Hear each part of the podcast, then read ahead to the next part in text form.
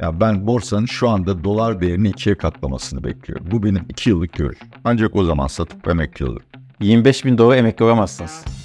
Bu Türk borsasında olur. Ha, oysa- oğlum. Cuma günü Rusya moratorium ilan etmez. İlan edeceği gün ben size söylerim yazdım. Pazar akşamı Rusya moratorium ilan etti ve odamın kapısına o sayfayı astılar. Çok iyi. Gerçekten mi? Yok valla kesin. Ne, ne, çok uzun zamandır bu kadar uzun süredir Bir bakın. finans Ekonomi. ekonomiyle bitmiyordu değil mi? Evet. Bu bir rekor. Başkanlık dönemi rekoru. Ya yapın. ben ya Murat Kurmay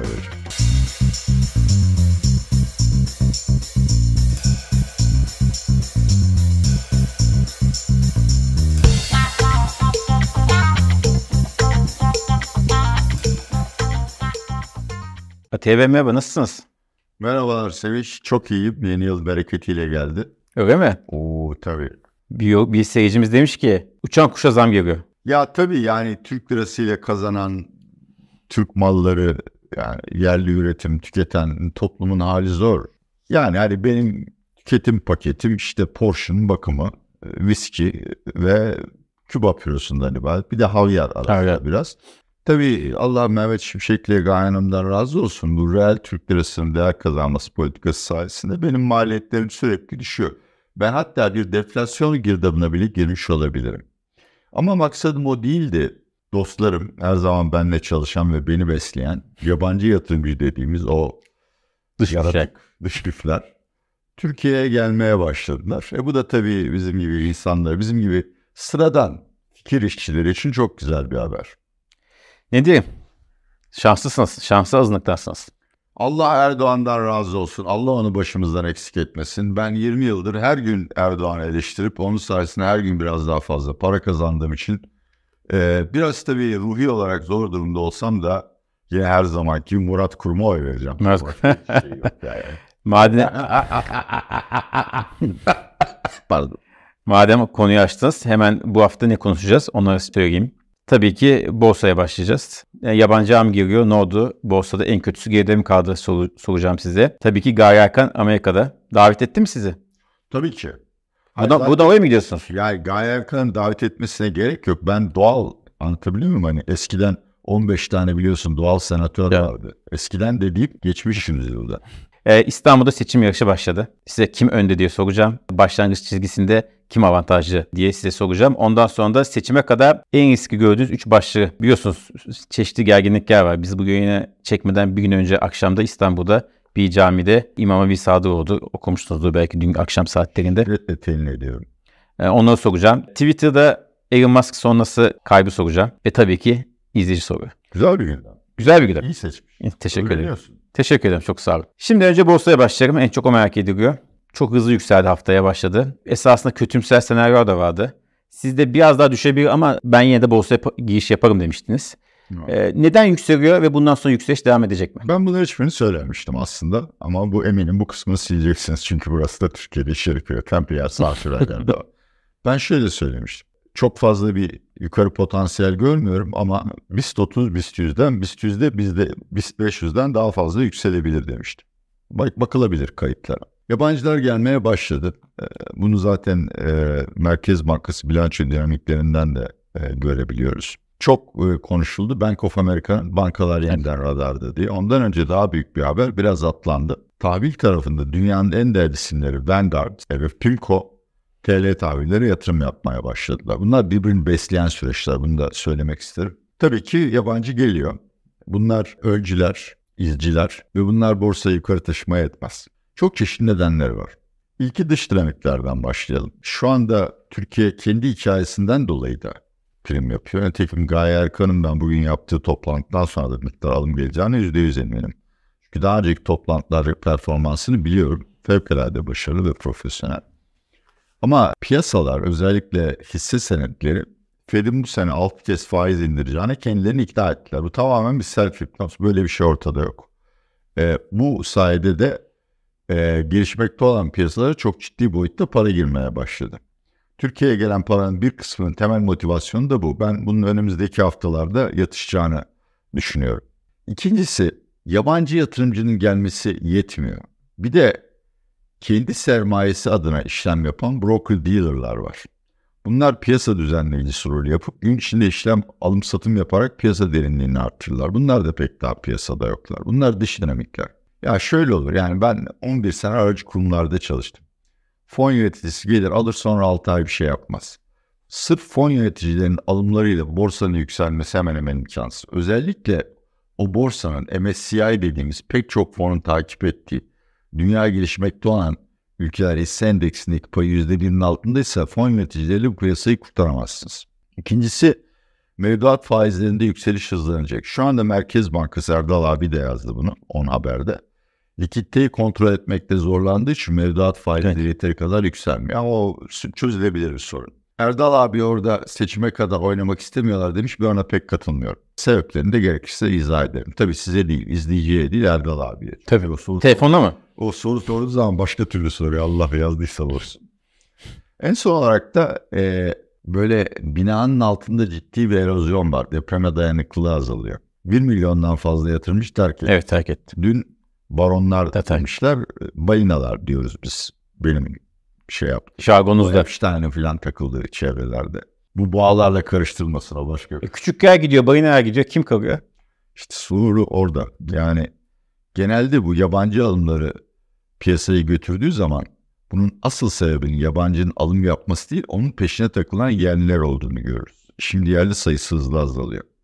Dolayısıyla ben hala yerel seçime kadar olan dönemde çok umutlu değilim. En son olarak da siyasi gerginliğin fevkalade. Daha önce tarihimizde karşılaşmadığımız kadar artacak düzeyde olacağına inanıyorum. Yani nasıl yaparım? Hani şimdi ben bir kere çok bir kez daha söyleyeyim. Belki kendim tekrarlamak oluyor. Bunu ahlaki bir görebiliyorum. Benim borsada iki yıldır hiç değiştirmediğim 12-13 bin dolarlık pozisyonum var. Ben ona hiç dokunmayacağım. Ya yani ben borsanın şu anda dolar değerini ikiye katlamasını bekliyorum. Bu benim iki yıllık görüş. Ama hangi vadede? İki yıl içinde. İki yıl içinde. Eğer biraz şanslıysam bir yıl içinde de olabilir. Ancak o zaman satıp emekli olurum. Şu 25 anda... bin dolar emekli olamazsınız kusura bakmayın. Ha? 25 bin dolar emekli olamazsınız. Bu Türk borsasında olur. Ha, oysa öyle. Beğersen o. İşte bunun türevleri var. ya ben bu rallide satarım. Yani beklerim. Ee, bir herhalde bir iki haftada alımlar, yabancılar gelir alırlar. Satarım. Yerel seçimlere kadar çok güzel repoda TL mevduatta paramı kazanırım. Yerel seçim sonuçlarını gördükten sonra ve AKP'nin şu anda İstanbul'da seçimi kazanmasına indirgenen, o kadar basit değil aslında, seçim zaferini gördükten sonra kesin alıma geçer. Her şeyimi koyarım borsaya. Bayağı AKP musunuz siz ya? Hayat. Para insana neler yaptırıyor. Evet. Mehmet Şimşek parasa sıkı, sıkı para politikasından gevşeme olacak 2024 yılında dedi. Düzeltti onu. Ama dedi. Ben duydum. Evet ben de evet yani belki tamamen hani dili suçmuştur ama evet. Yani Peki sizce hangisi doğru? Düzelttiği mi?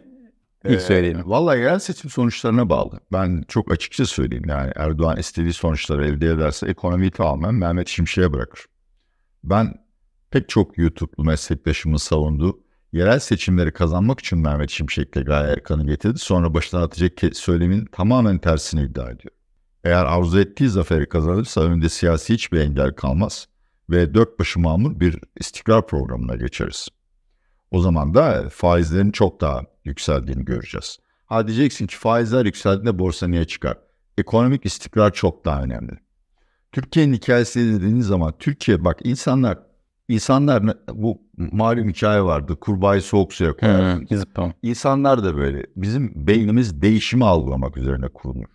Ve Türkiye'de çok büyük bir değişim var. Bunun halka inmediğini, pek çok yönüyle eksik kaldığını ve eleştirilmesi gerektiğini ben de kabul ediyorum. Ama yani Nas'tan vaza geçtik. Evet. Kas'tan faza geçtik. Bu konu seyirci sorumuz da var. Onu son saklıyorum. Tamam. Peki İstanbul'da yarış başladı. İkinci konumuza geçelim. Ee, seçim yarışı başladı. DEM ve İyi Parti'nin ne yapacağı da İyi Parti'nin ne yapacağı bir yeriydi. Aday bir yeriydi. DEM, DEM Partisi'nde ne yapacağı bir yeriydi.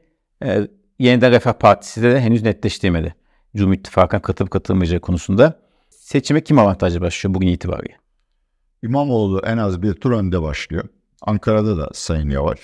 İzmir'de belli değil ama oradaki anketlere göre de Tunç Soyeren'de. Adana'da da orada İyi Parti belirleyici olabilir. Konuyu dağıtmayayım. Elimizde anketler var. Ee, anketi gerek daha Murat Kurum'dan önce yapılmış, gerek onun ismi de zikredilerek çeşitli rakiplerine karşı sorulmuş. Gerek kime oy verirsiniz diye sorulmuş.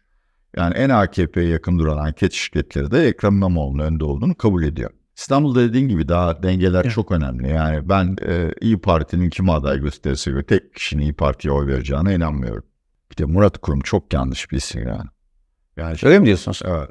Bence. Yani Murat Kurum'daki karizma bendeki kadar. Hani benim bir bara gece kulübüne girdiğimde herhangi bir cinsten birinin bana bakması ihtimali kadar karizması var Murat abi de ya. Yani bazen canlı olup Bir de soruyorum ki. Ekrem İmam- İmamoğlu'nun sloganını kullanıyor. Duyuyor görüyor musunuz onu? Gençliğimiz var, enerjimiz var demiş. Gençliği olabilir de enerjisi hiç yok. Ama yani, genç genç. 76 doğumlu. öyle mi? Evet. Vay be o da genç sayılıyor artık. Ama da hatırlatmakta fayda var. Arkadaşlar gerçekçi olalım. Ekrem İmamoğlu havada suda kazanır. Adil bir seçimde. Adil bir seçim olacağından hiç emin değilim. Türkiye'de siyasi ortamın akıl almaz bir şekilde polarize olduğunu göreceğiz. Kazansa dahi görevini bir yıldan fazla koruyacağına emin değilim. Yine bir sessizlik. Anlamlı ses. Evet. Orada tabii meclis, belediye meclisi nasıl olacağı önemli. E, peki Murat Kurum neden aday oldu? Şimdi şöyle, bence en güçlü aday değil bu arada. Zaten işte Selçuk Bayraktar ismi o anketlerde veya e, İçişleri Bakanı ismi daha ön plana çıkıyordu. Ama herhalde onlar bu riski almak istemedi diye tahmin ediyorum o isimler. Murat Kurum'un ana propagandası, e, ana vaadi işte depreme dayanıklı bir İstanbul vaat etme, olacak. Şöyle de bir şey var belki görmemişsiniz. Misvak diye bir karikatür dergisi var AKP yandaş iktidar. Ha gördün Ee, şöyle bir kapak yapmış gerçekten işte cami var ve inşaat var.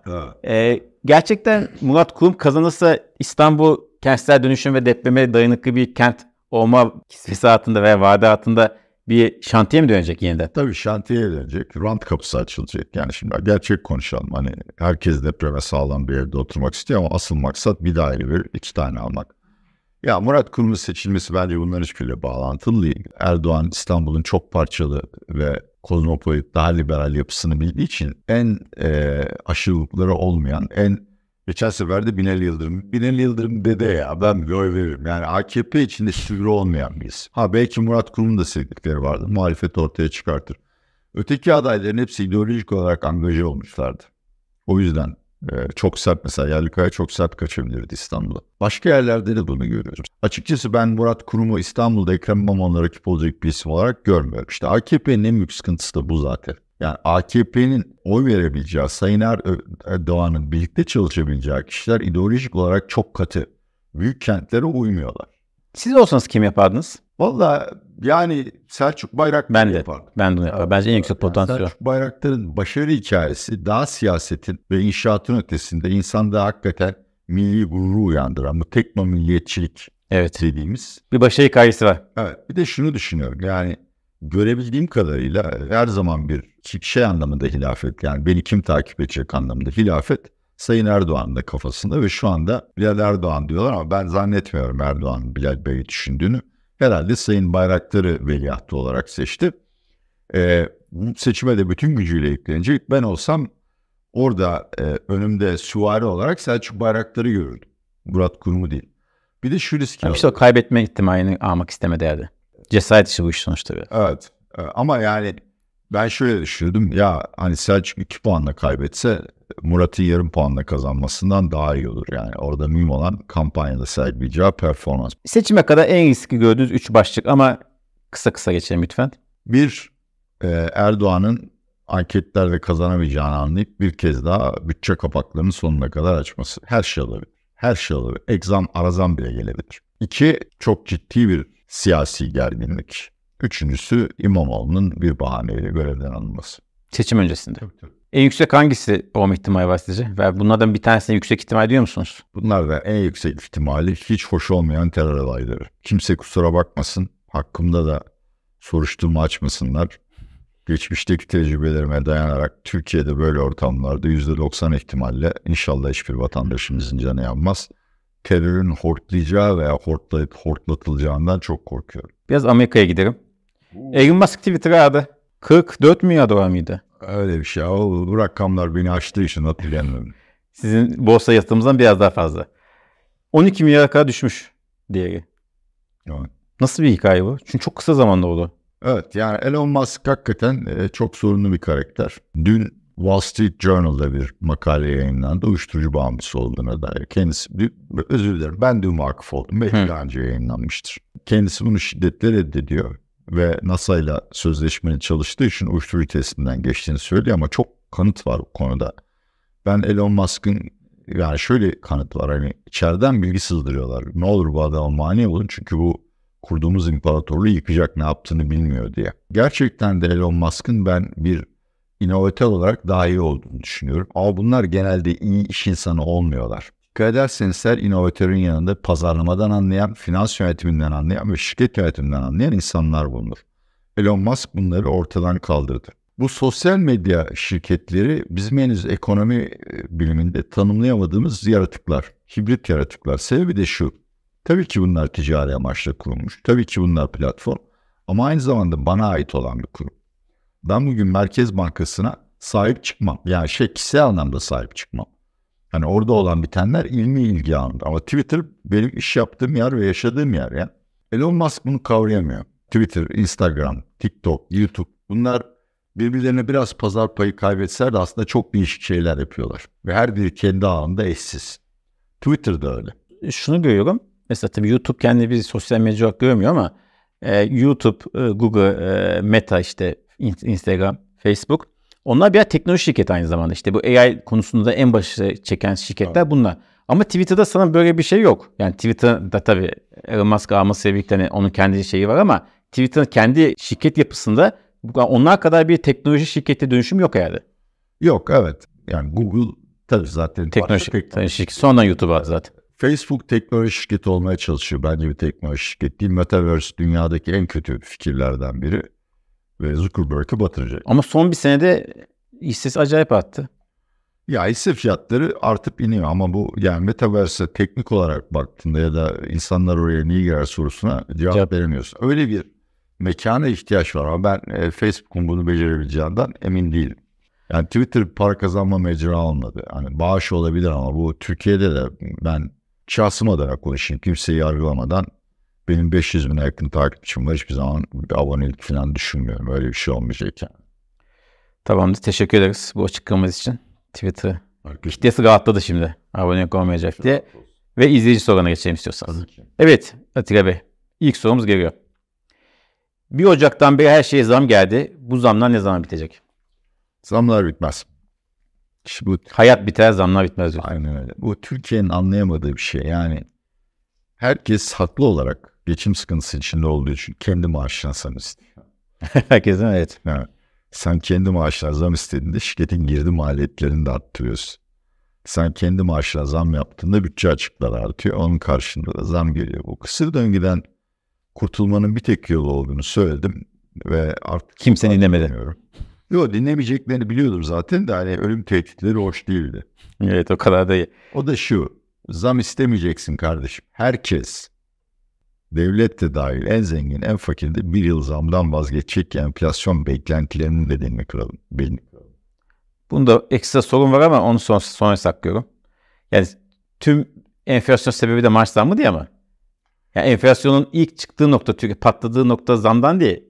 Yani sebebinin hikaye olarak çözümünü konuşmamız lazım. Türkiye hep geçmişe takılıp kalıyor. Efendim şöyle olmuş, böyle olmuş. Şimdi ya yapacak bir şey yok. Şu anda buradayız artık. Geçmiş bitti. Gelecekle ilgili ne yapabiliriz? Hepimiz bir yıl fedakarlık edeceğiz. Ha, fedakarlığı nasıl paylaşırız? Hükümet daha doğru kararlar verse memnun olurum ama herkes en fakirine kadar yoğun bir fedakarlık yapmadan enflasyon belasından ve bu zincirden kurtulamayız. İkinci sorumuz. Kredi notumuz artar mı? Moody's'in notu bekleniyor biliyorsunuz. Görünüm veya not. İşte borsanın böyle olduğu zamanlarda ya ejderhalar görülür, uzaylılar gelir. Kredi notu attı. Şey banka, banka hissesi almaya başlarlar. Ha, Cafer abi, Abdülkerim Müttelik abi mala girerler. Yani bunlar hep şeyden bıyıklı yabancı geliyor. Yabancı bıyıklı değil mi? Dün şeyle piyanımı anlat. Tabii ki. Çok özür dilerim. Yaşlı oluyor. Estağfurullah. IMF programı yeni başlamıştı. Ben de o zaman Ege Yatırım'da e, şey e, araştırma müdürüyüm. IMF'de aradılar. Atilla ve işte sizin de isminizi verdiler. Gidip ziyaret etmek isteriz. Tabii dedim memnuniyetle buyurun. Ege Yatırım'da işte küçük bir oda hazırladık masa falan. 12'de geliyor abi 11.30'da kapının önü gazeteci dolu. Ki ben tanınan bir insan. 100 tane gazeteci var. Maalesef bina değiştirdiniz. Şu öteki binaya gitmişler. Ziyaret ertelendi. Ama e, sana çalışıyorum. ha. Evet, tabii. Ya zaten aklı değiştirden ilk şeye geçiş, Türkiye'ye tarihe geçişi. O zaman haftalık bir dergide yazıyordum. Cuma günü Rusya moratorium ilan etmez. İlan edeceği gün ben size söylerim yazdım. Pazar akşamı Rusya moratorium ilan etti ve odamın kapısına o sayfayı astılar. Çok iyi. Gerçekten mi? Yok valla kız ne ne? Lan bunun oğlum ne olarak altında bir tarafım var. Ben bazoist miyim? Kırbaç Epstein miyim ben? Kırbaçlat var o konuya takım neyse. Şunu demeye getiriyorum. Yani millet hevesli olduğu zaman mal almak için hikaye aradığı zaman her zaman o hikaye üretilir. Bu da öyle şeylerden biri. Ya yok abi yani senin notun yatırım yapılırım 5 seviye altında hani adamın dediği gibi bir şey soyadı ateş olsa ne olur alev olsa ne olur. Acaba o yazıyı bulabilir miyiz ya arşivden? Var. Var mı? Eşim benim e, çok sağ olsun çok aşkımız sonsuz olduğu için bütün bu anları özel anları arşivlemiş. Evet. Çok çok iyi beş. Yaşlasın. Torunlar, torunlarım da görsün diye. Yargılandığım günler. Anayasa yok sayılıyor. Yabancıya giriyor. Hani demokrasi olmazsa para gelmezdi. Ama seyircilerimizi gülmeyin lütfen. Aa pardon. Ee, ya şimdi bu yabancı kelimesi o kadar çok dejenere oldu ki yabancı başımın tacı hikayesi. Ya yabancı var yabancı var. Finansal yatırımcının hiç umurunda değildir böyle konular. Finansal ha seçim umurundadır. Çünkü seçim pratik olarak ekonomi programının gidişatını etkiler. Manayasa yani Çin'de yatırım yapan, e, Venezuela'da yatırım yapan insanlardan bahsediyoruz. Bunlar açısından mühim değil. Anayasa, hukuk düzeni, adalet bunlar Türkiye'ye gelip sermaye getirip fabrika kurup istihdam yaratmak isteyenler için önemli. Onların olmadığı bir ortama gelmezler. Şu ana kadar yabancı yatırımcının gelmemesinin sebebi de aşırı belirsizlikti. Yani fiyatlamalar değildi. Bir bakıp sabah kalkıyorsunuz, damat gitmiş yerine gerçekten kaliteli bir bürokrat ve devlet insanı olan Naci Bey gelmiş. Ertesi sabah uyanıyorsunuz, o da gitmiş yerine Nebati abi gelmiş.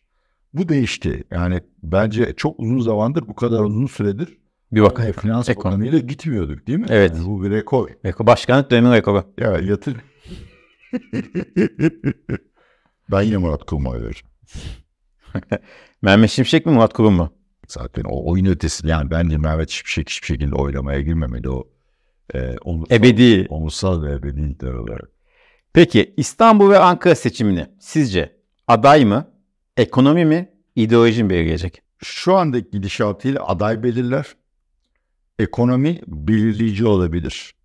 Bu önümüzdeki iki ayın hareketli hareketlerine bağlı. Eğer ekonomi programı sulandırılırsa Şubat ayında anketlere okup Erdoğan niye arkadaşlar haklısınız. Bu enflasyonla siz geçinemezsiniz. Ben gönlümden koptu. Bir kere daha 5 bin lira cebinize koydum demesine hiç de şaşırtıcı bulmam. İşte o zaman ekonomi etkiler. Bu haliyle aday etkiler. Ekonomi ikinci plan. Ekonomi zaten şu andaki haliyle e, yani AKP'ye oy vermeyenlerin birinci kaygısı. Şimdi siz otomobil, otomobil fiyatları ilgili tahminde bulundunuz. Barış Esen bir tweet attı.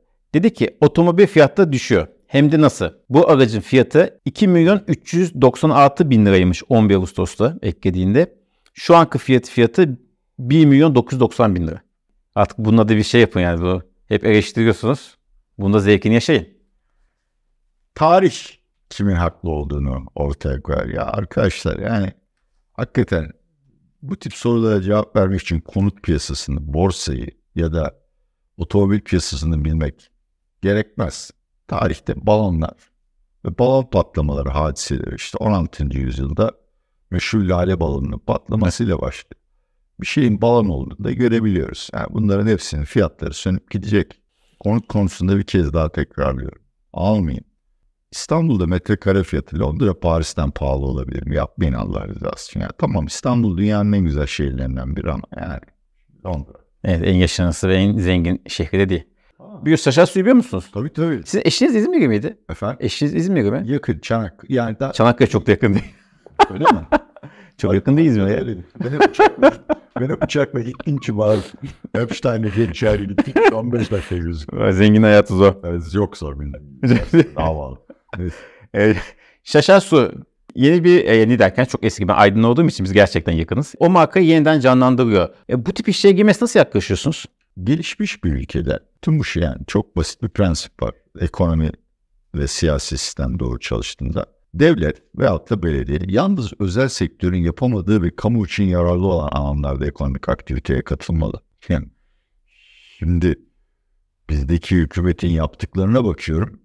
Bence belediye süpermarket işletmeyip kendi ekmeğini, suyunu, peynirini üretmiyorsa iş yapmıyor demek. Gelişmekte olan ülkelerde durum çok farklı. Özellikle Türkiye'deki belediyeci, AKP'li belediyecilik hizmetin rant dağıtmaya yöneldiği bir ortamda maalesef belediyeler bu tip hizmetleri yapmak zorunda kalıyorlar. Bunlar toplumsal e, getirisi çok yüksek olan projeler ve özel sektör şu veya bu şekilde yapamıyor. Dolayısıyla Türkiye'de buna kesinlikle karşı değilim yani. Hatta destekliyorum açıkçası. Çok teşekkür ederiz Atiye Bey. Çok sağ olun. Çok keyifli bir yayında. Haftaya kadar kendinize iyi bakın.